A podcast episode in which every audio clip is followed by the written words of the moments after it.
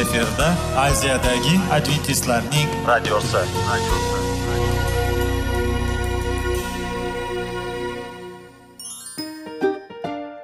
assalomu alaykum aziz radio tinglovchilar. Sog'liq daqiqasi rubrikasiga xush kelibsiz. Zero tananing sog'lom bo'lishi va uning kasalliklardan saqlash har bir insonning burchi hisoblanadi. Inson uchun bebaho boylik bu sog'liq salomatlikdir. Uni asrash esa har birimizga omonat qilib berilgan. Shuning uchun ham inson o'z sog'lig'ini ehtiyot qilishi va ajib amallardan hisoblanadi. Dono xalqimiz sog'liq tuman boylik deb bejiz aytmagan. Aql idroq sohibi bo'lgan inson o'z hayotini qadrlashi lozim bo'ladi. Hozirgi kunda qanchalik dori darmonlar ko'paymasin tibbiy muassa sifati shifokorlar vasiyasi tibbiy texnika yaxshilanmasin. Agar insonning o'z salomatligi haqida qayg'urmasa kutilgan natijaga erishib bo'lmaydi va biz sizlarga bizning dasturimizga xush kelibsiz deymiz.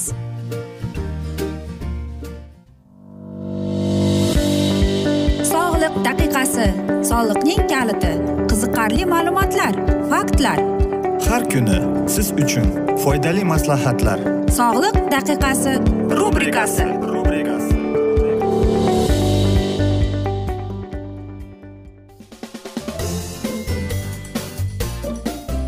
assalomu alaykum aziz radio tinglovchilar. Dasturimizga xush kelibsiz va biz sizlar bilan tana va sog'liq degan dasturda xushvaqt bo'ling deb aytamiz va bugungi bizning dasturimizning mavzusi bu alkogolizm deb nomlanadi. Albatta mana shunday spirtli ichimliklarni ichganda yoki bir yoki ikki aytaylik ryumka ichganda hech narsa bo'lmaydi deymiz. Ammo lekin ichkilikka kirilib berilib ketgan insonlarni ko'rganimizdachi biz nima deb o'ylaymiz? Keling mana shu kasallikning e, boshlanishini kechishini va qanday uni davolasa bo'ladi. Mana shunday haqida bugun e, dastur yuritmoqchimiz. Ichkibozlik dunyo bo'yicha tuzalishda bunga iroda kerak kuch kerak sabr talab etadigan va insonni o'zi bilmagan holda jarlik yoqasiga olib keladigan illatlardan biri saqlanadi. Ayni mavzu yuzasidan e, biz e, ko'plab mana shunday savollar beriladi. Shu sabab ichkibozlik borasida e, biz sizlarga mana shunday bir mavzu o'qib eshittirishga undadik. Qarangki birinchida ichkibozlik bu kishining dastlab o'zini hech bir spirtli ichimlikdan tiya olmasligi ya'ni har qanday vaziyat va sabab bilan ham ichaverishga intilish odatlanish bilan boshlanib kelar ekan. Keyin esa spirtli ichimlikni ichish me'yoridan osha boshlaydi. Ichish uchun sabablar yanada oddiylashadi. Masalan oylik olgani do'stini ko'rib qolgani asabiylashgani charchadim kabi bahonalar paydo bo'ladi.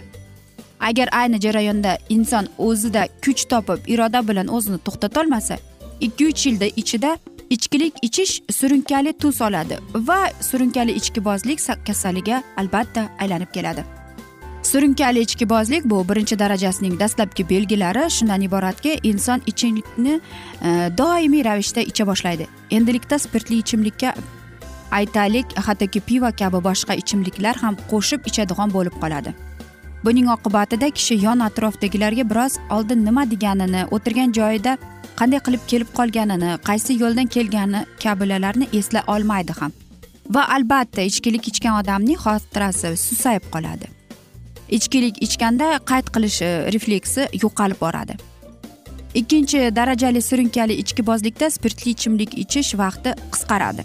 Ya'ni bemor ertalab peshinda kechqurun to'xtovsiz spirtli ichimlik ichadi. Ishtaha yo'qoladi ovqat yeyish miqdori kamayib qoladi. Ushbu holatda ba'zilar pivoga spirtli ichimlikni aralashtirib kuniga bir necha marta ichishadi. Ikkinchi darajali surunkali bu ichki ichkibozlik hisoblanadi. Bu uch olti yilgacha to'xtovsiz davom etsa bu ya'ni uchinchi darajaga o'tib ketadi. Uchinchi darajali surunkali ichkibozlikda insonning hayotiy faoliyati har tomonlama sustlashadi. Ruhiy qaraxtlik asabiylik jismoniy toliqish immunitetning pasayishi tafakkurning yomonlashishi ensefalipiya ya'ni miya terisida o'zgarish sodir bo'ladi va uning faoliyati buzilishib keladi. Degradatsiya bo'ladi kishining shaxs sifatida o'zgarishi. Nima uchun? Aholi alkogol e, ya'ni alkogolizmni kasallik deb hisoblaydi. Boshqa sabablarning ko'p. Aytaylik e, kasallik albatta bemorning roziligini so'ramasdan o'zidan o'zi keladi va agar inson bugun kasal bo'lishni yoki juma kunigacha to'xt kutishni tanlasa bu g'alati kasallik hisoblanadi. Bu kasallik uchun eng ishonchli vosita mashhur so'zda aks ettirgan. Agar siz ichmasangiz ichmang. Agar ichuvchi aqlning ovoziga quloq solmasa va mast bo'lsa u o'zi bilan kurashadi tarqaltadi va unga achinadigan hech narsa yo'q hatto undan ham ko'proq davolanishdir. Bu mm, aytaylik tibbiyotning mantiqidir va u bilan bahslash juda qiyin. Ichkilik ichuvchi spirtli emas chunki u bu psixologik hiyla deb ataladi u ichmasligi mumkin lekin u qiladi. Alkogolizmning asosiy mezmoni bu ellik yuz grammda to'xtamaslikdir. Va albatta giyohvandlik qutulishning yagona bir yo'li bu yigirma tomchi voz iborat. Eng asosiysi odam buni qilishni xohlaydi. Aks holda hech kim unga yordam berolmaydi bu alkogolizmning ayanchli haqiqati. Misol uchun agar biror kishi aytaylik iroda yoki noaniqlikning yetishmasligini ayblash befoyda va foydasiz deb o'ylayman. Bu holda mutaxassis yordami ko'pincha talab qilinadi yoki aytaylik yo'qligidanmikin? Sizlarga mana shunday yordami kerak bo'lganda shifokor shuningdek har qanday spirtli psixoz yoki yo'qligini yoki epilet podobni ya'ni qarangki mana shunday ichkilik bo'lib qolganda u o'zini tutolmaydi va tutqanog'i boshlanadi. Yoki egalash yoki yo'qligini u chekishni qaraxtlik sindromi bo'lsin deb har qanday boshqa asoratlar uchun talab qilinadi. Siz bu vaziyatda maxsus tibbiy yordam holda bemor shunchaki o'lishi mumkin deb tushunishingiz mumkin va qarindoshlari unga yordam bera olmaydi. Faqat bu emas. Shu titroq bilan shular shuningdek azob chekishi mumkin. Beixtiyor o'z so'zi uzr. Issiq qo'l ostida. Albatta biz e, ichkibozlik bu yigirma birinchi asrning vabosi deb bekorga aytishmagan. Shuning uchun ham qarangki bizning olimlarimiz e, va shifokorlarimizning aytishicha bu alkogolizm ichkibozlik eng katta kasallik hisoblanadi. Va agar inson uni xohlamasa siz unga hech narsa o'zgartirolmaysiz. Hattoki o'zgartirishlar olib kirolmaysiz ham. Buning insonning irodasi kuchi sabrligi kerak. Biz e, bilamizki ichkibozlikning ko'plab sabablari uning e, mana shunday alomatlarini ko'plab oilalar mana shu alkogolizmning orqasidan buzilib ketgan. Shuning uchun ham aziz do'stlar ichkilik ichayotganingizda albatta ellik yuz grammdan hech narsa bo'lmaydi deysiz. Ammo lekin uning oqibatlarini yaxshilab o'ylanib ko'rishingizga maslahat beramiz. Va mana shunday asnoda biz e, afsuski bugungi dasturimizni yakunlab qolamiz lekin keyingi dasturlarda albatta mana shu mavzuni yana o'qib eshittiramiz. Va sizlarda savollar tug'ilgan bo'lsa biz sizlarni salomat klub internet saytimizga taklif qilib qolamiz. Va albatta biz umid qilamizki siz bizni tark etmaysiz deb chunki oldinda bundanda qiziq bundanda foydali dasturlar kutib kelmoqda. Va biz sizlarga sog'lik tilagan holda xayrlashib qolamiz.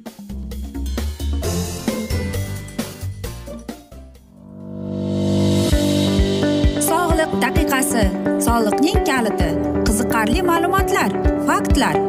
Har kuni siz uchun foydali maslahatlar.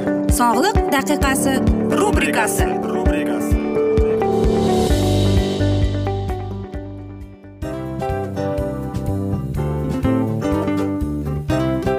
Mana ha hayotda hamma narsaning yaxshi narsalar tugaydi va yakunlaydi degandek bizning dasturimizga ham yakun keldi o'ylaymanki bizning dasturimiz sizga foydali bo'ldi deb aziz radio tinglovchimiz. Va siz o'zingiz uchun kerakli xulosalar kerakli maslahatlar olib oldingiz. Aziz radio tinglovchimiz biz bilan qoling va keyingi dasturlarimiz albatta undanda qiziqroq bo'ladi. Mana shu alfozda sizlar bilan xayrlashib qolaman.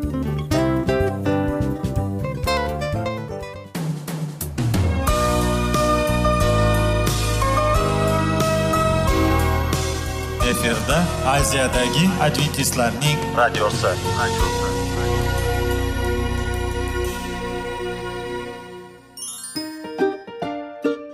Assalomu alaykum aziz radio tinglovchilarimiz.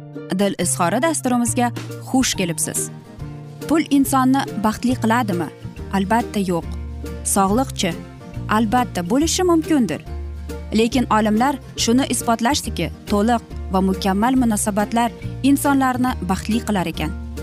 Albatta biz hayot davomida biz yaqin insonlar bilan odamlar bilan aloqada bo'lamiz va ular bilan munosabatlarimiz qanday kechadi qanday tuziladi? Yigit va qiz er va xotin ota ona va farzandlar va yaqin insonlar bilan.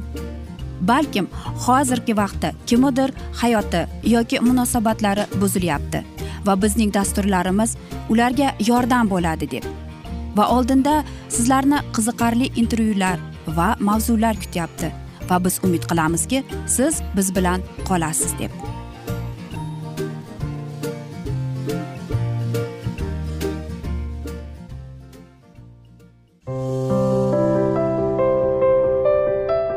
Har kuni har xil kasbdagi odamlar bilan sirlashish va bo'lishish sevgi rashq munosabat.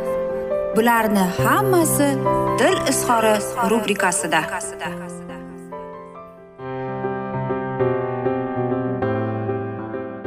Assalomu alaykum aziz radio tinglovchilar. Dasturimizga xush kelibsiz va biz sizlar bilan erkaklar marsdan ayollar veneradan degan dasturda xushvaqt bo'ling deb aytamiz.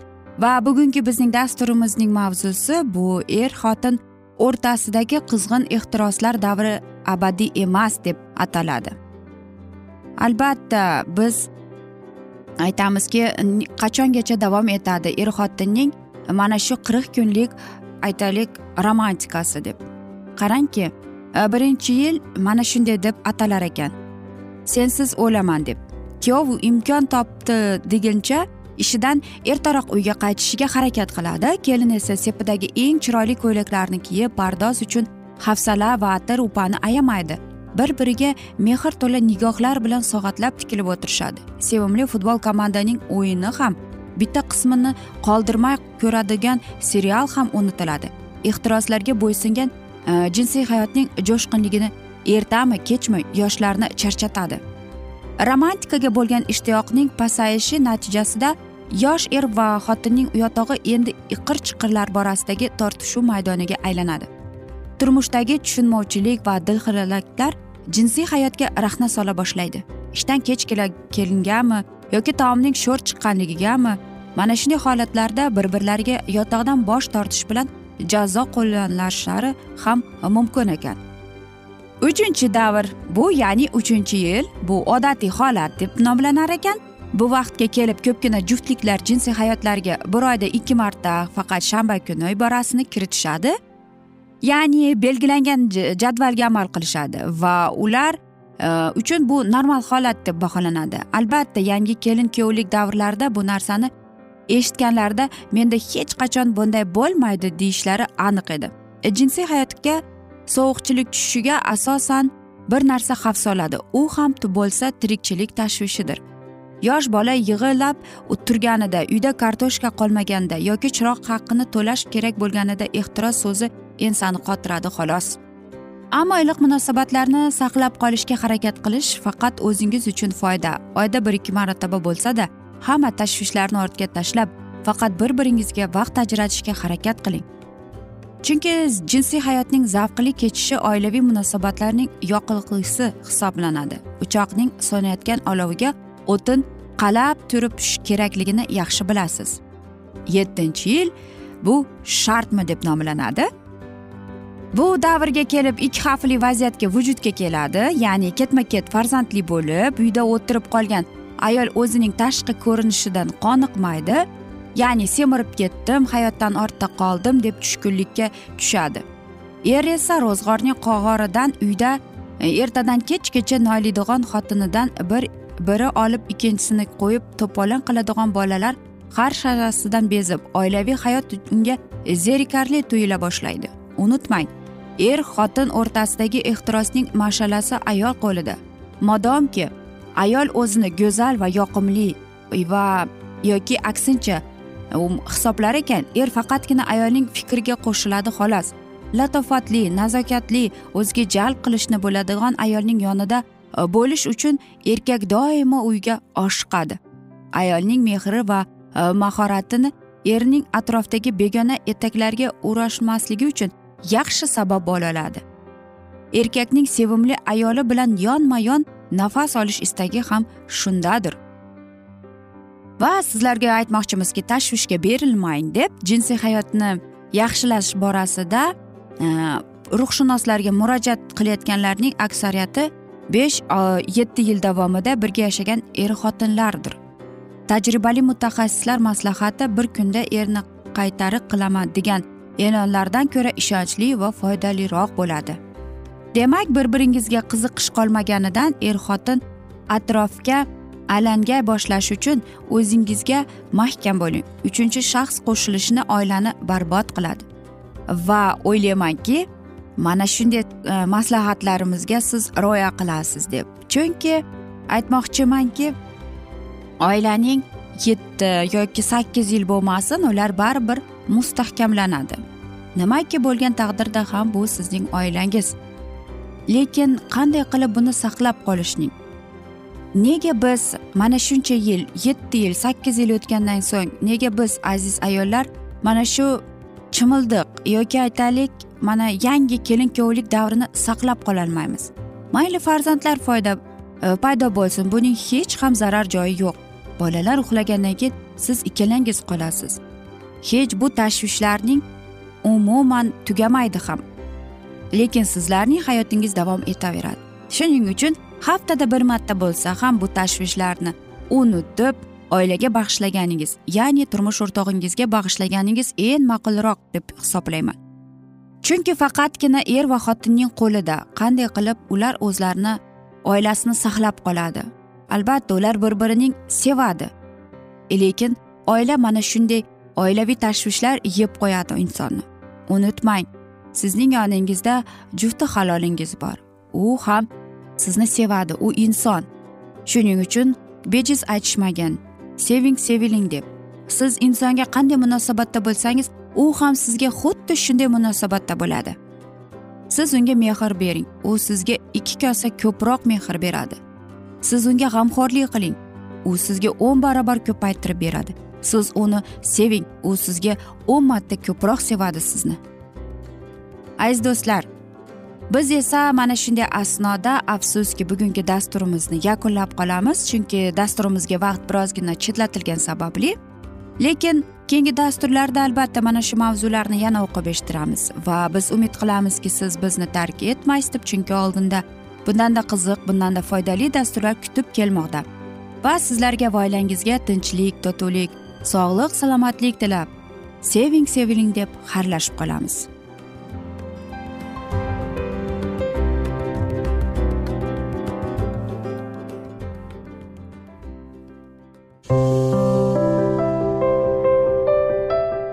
Har kuni har xil kasbdagi odamlar bilan sirlashish va bo'lishish sevgi rashq munosabat bularni hammasi dil izhori rubrikasida.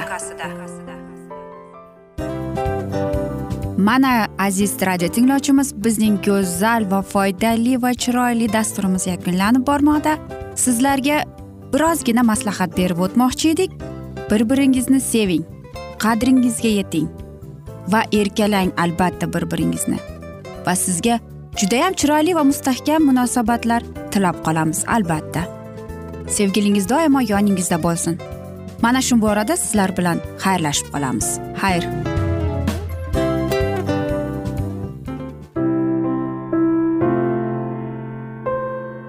Hayotning noni.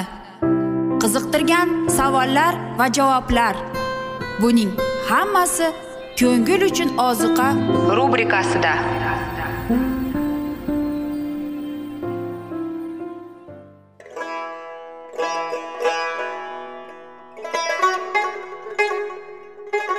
Assalomu alaykum aziz radio tinglovchilarimiz. Ko'ngil uchun oziqa rubrikasida xush kelibsiz deymiz. Siz haqiqatni izlayapsizmi? Olamnimi? Umidnimi? Siz kimga murojaat qilmoqchisiz? Odamlar ko'pincha siyosat kuchiga tayanadilar. Dunyo iqtisodiyoti holati tobora chuqurlashib bormoqda. Tabiiy ofatlar va texnogen halokatlar minglab insonlarning hayotini olib ketib juda katta zarar yetkazmoqda. Sizga abadiy hayot inomini hadya qiluvchi va hayotingizni tubdan o'zgartiruvchi haqiqatni izlab toping. Xudo haqidagi haqiqat uning kalomida mujassamlashgan. Kimki bu haqiqatni butun qalbi bilan izlasa albatta unga yetishadi. Bu sevgi xudoning tarixidir. Hayotingizda yoki sizning yon atrofingizdagi olamda nimalar yuz berishidan qat'iy nazar? Siz ertagi kunga buyuk umid va ishonch hosil qilishingiz mumkin. Hozirda xudo sizga taklif qilayotgan umid ishonchga o'z qalbingizni oching va sizni qiziqtirayotgan mavzularni savollaringizga javoblaringizni topib olasiz deb umid qilamiz. Biz bilan qoling.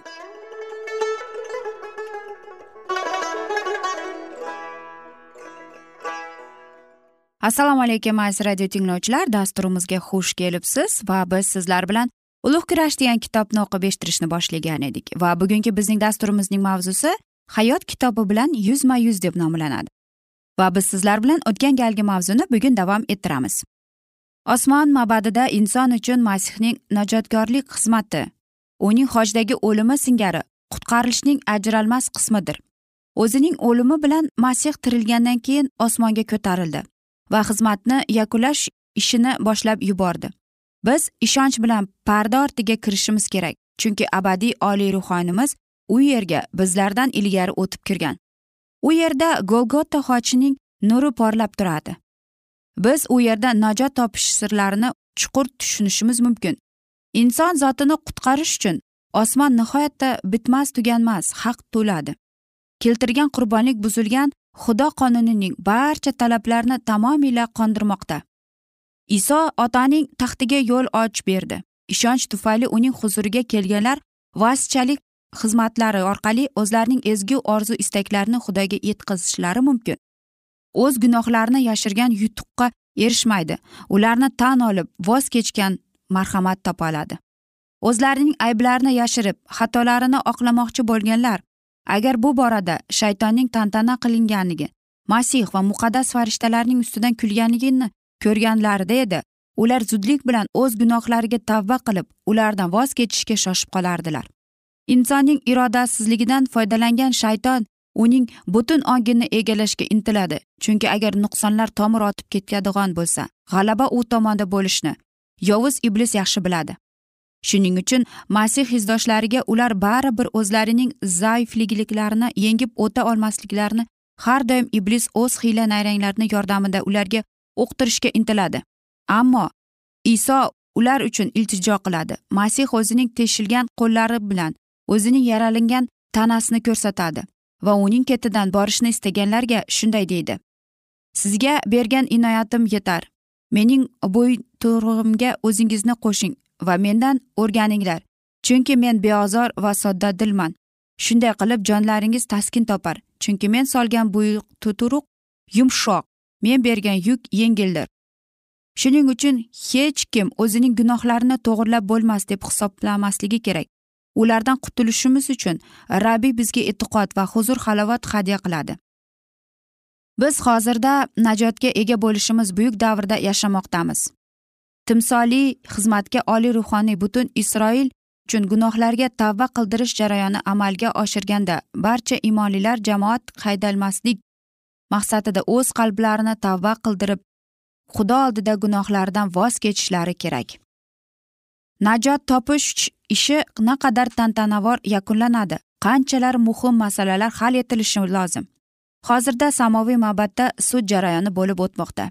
Э, jarayon bir necha yillardan beri davom etib kelmoqda. Tez orada qachonligini hech kim bilmaydi. Tiriklarning ishi qurila boshlaydi. Ana o'shanda barchani titratuvchi va hayajonga soluvchi xudoning e, boshligida bizning hayotimiz atrofdagilarga o'rganiladi. Har bir qalb najotkorning ushbu so'zlarini tushunishi kerak. Ko'z quloq bo'lib turinglar hushyor bo'lib ibodat qilinglar chunki o'sha vaqt soat qachon kelishini bilmaysizlar. Agar bedor bo'lmasang men o'g'riday bosib kelaman. Sen esa qaysi soatda seni bosib olishimni bilmaysan. Sud jarayoni yakunlanganda har kimning taqdiri hal qilinadi. U abadiy hayotga yoki o'limga sazovor bo'ladi. Sinov vaqti. Masihning samoviy ustunlarda olamga ikkinchi bor kelishidan oldin tugaydi. Ana shu vaqt borasida masih deydi. Fosiq mayli yomonlik qilaversin nopok mayli ifloslik qilaversin solih esa to'g'ri ish qilaversin va muqaddas kishi o'zini muqaddas saqlasin. Mana men tez kelaman qarimtam o'zim bilaman. Har kimga qilmishiga yarasha sazo jazo bergunimgador soliqlar va nopokliklar oldingiday halok bo'lgan tanada yerda yashayveradilar samoviy ma'bada ularga nisbatan yakuniy hamda qat'iy hukm chiqarilgandan bexabar. Ular ekib ko'rishni yeyish va ichishni davom ettirib yuraveda yuradi. Tufondan oldin nuh payg'ambar kemasiga chiqib olgandan keyin rabbiy eshikni yopib qo'yadi. Fosihlar esa kemaga kirolmay ko'chada qoladi. Lekin yetti kun mobaynida odamlar ularning taqdirlari hal etilganidan bexabar yaqinlashib kelayotgan hukm haqidagi ogohlantirishga ishonmay ularning ustidan kulib beparvorlarcha va betashvish hayot kechirishni davom ettiraveradilar. Ular bo'lg'usi ofatdan bexabar yurganda deydi najotkor. Tufon kelib hammasini qirib tashlaydilar. Inson o'g'lining kelishini xuddi shunday bo'ladi deydi. Yarim kechasi o'g'ri kabi tovushsiz hal qiluvchi vaqt soat bosib kelganda hammaga hukm chiqariladi va gunohkorlar ularga tavsiya qilingan marhamatdan abadiy judo bo'ladilar. Xuddi shunday sizlar ham hushyor bo'lib turinglar. Mabodo u nogahon kelib sizlarni g'avlat uyqusida ko'rmasin. Hushyor bo'lishdan charchab yana bu dunyoning o'yin kulgulariga berilib ketganlar naqadar qaltis ish qilayotganlarini bilmaydilar. Ishbilarmon odam boylik ortishi bilan mashg'ul bo'lgan bir vaqtda rohat farog'at yaxshi quruvchi va o'z istaklarini qondirish yo'llarini izlamaydi. Moda qo'li esa o'z liboslarini tartibga soladi. Aynan shu paytda butun dunyoviy oliy hakami hukm o'qiydi. Siz tarozida tortilib hukmronlik qilishga nomunosib bo'lib chiqdingiz deb. Aziz do'stlar mana shunday asnoda biz afsuski bugungi dasturimizni yakunlab qolamiz chunki bizning dasturimizga vaqt birozgina chetlatilgani sababli ammo lekin keyingi dasturlarda albatta mana shu mavzuni yana o'qib eshittiramiz.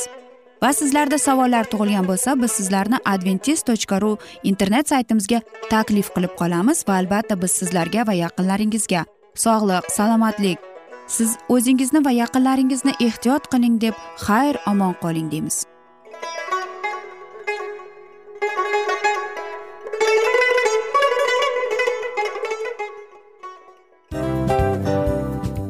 Aziz radio tinglovchimiz hamma yaxshi narsaning yakuni bo'ladi degandek bizning ham dasturlarimiz yakunlanib qolmoqda. Aziz do'stlar o'ylaymanki bizning dasturlarimiz sizlar uchun judayam foydali bo'ldi deb bizning dasturlarimizdan siz o'zingizga foydali va judayam kerakli maslahatlar oldingiz deb. Masalan sog'liq borasida. Biz sizlarga sog'liq tilaymiz albatta lekin bizning maslahatlarimizga ham amal qilishga unutmang. Munosabatlarga kelganda bu munosabatlar chuqur va yaxshi bo'lishi uchun uni ustidan ishlash kerak albatta. Diniy masalaga kelsak aziz do'stlar bu judayam jiddiy va chuqur nazarni talab qiladi. Ammo biz sizlar bilan xayrlashib qolmaymiz keyingi dasturlarda eshittirishimizni davom ettiramiz va sizlar bilan mana shu yaxshi kayfiyatda xayrlashib qolamiz.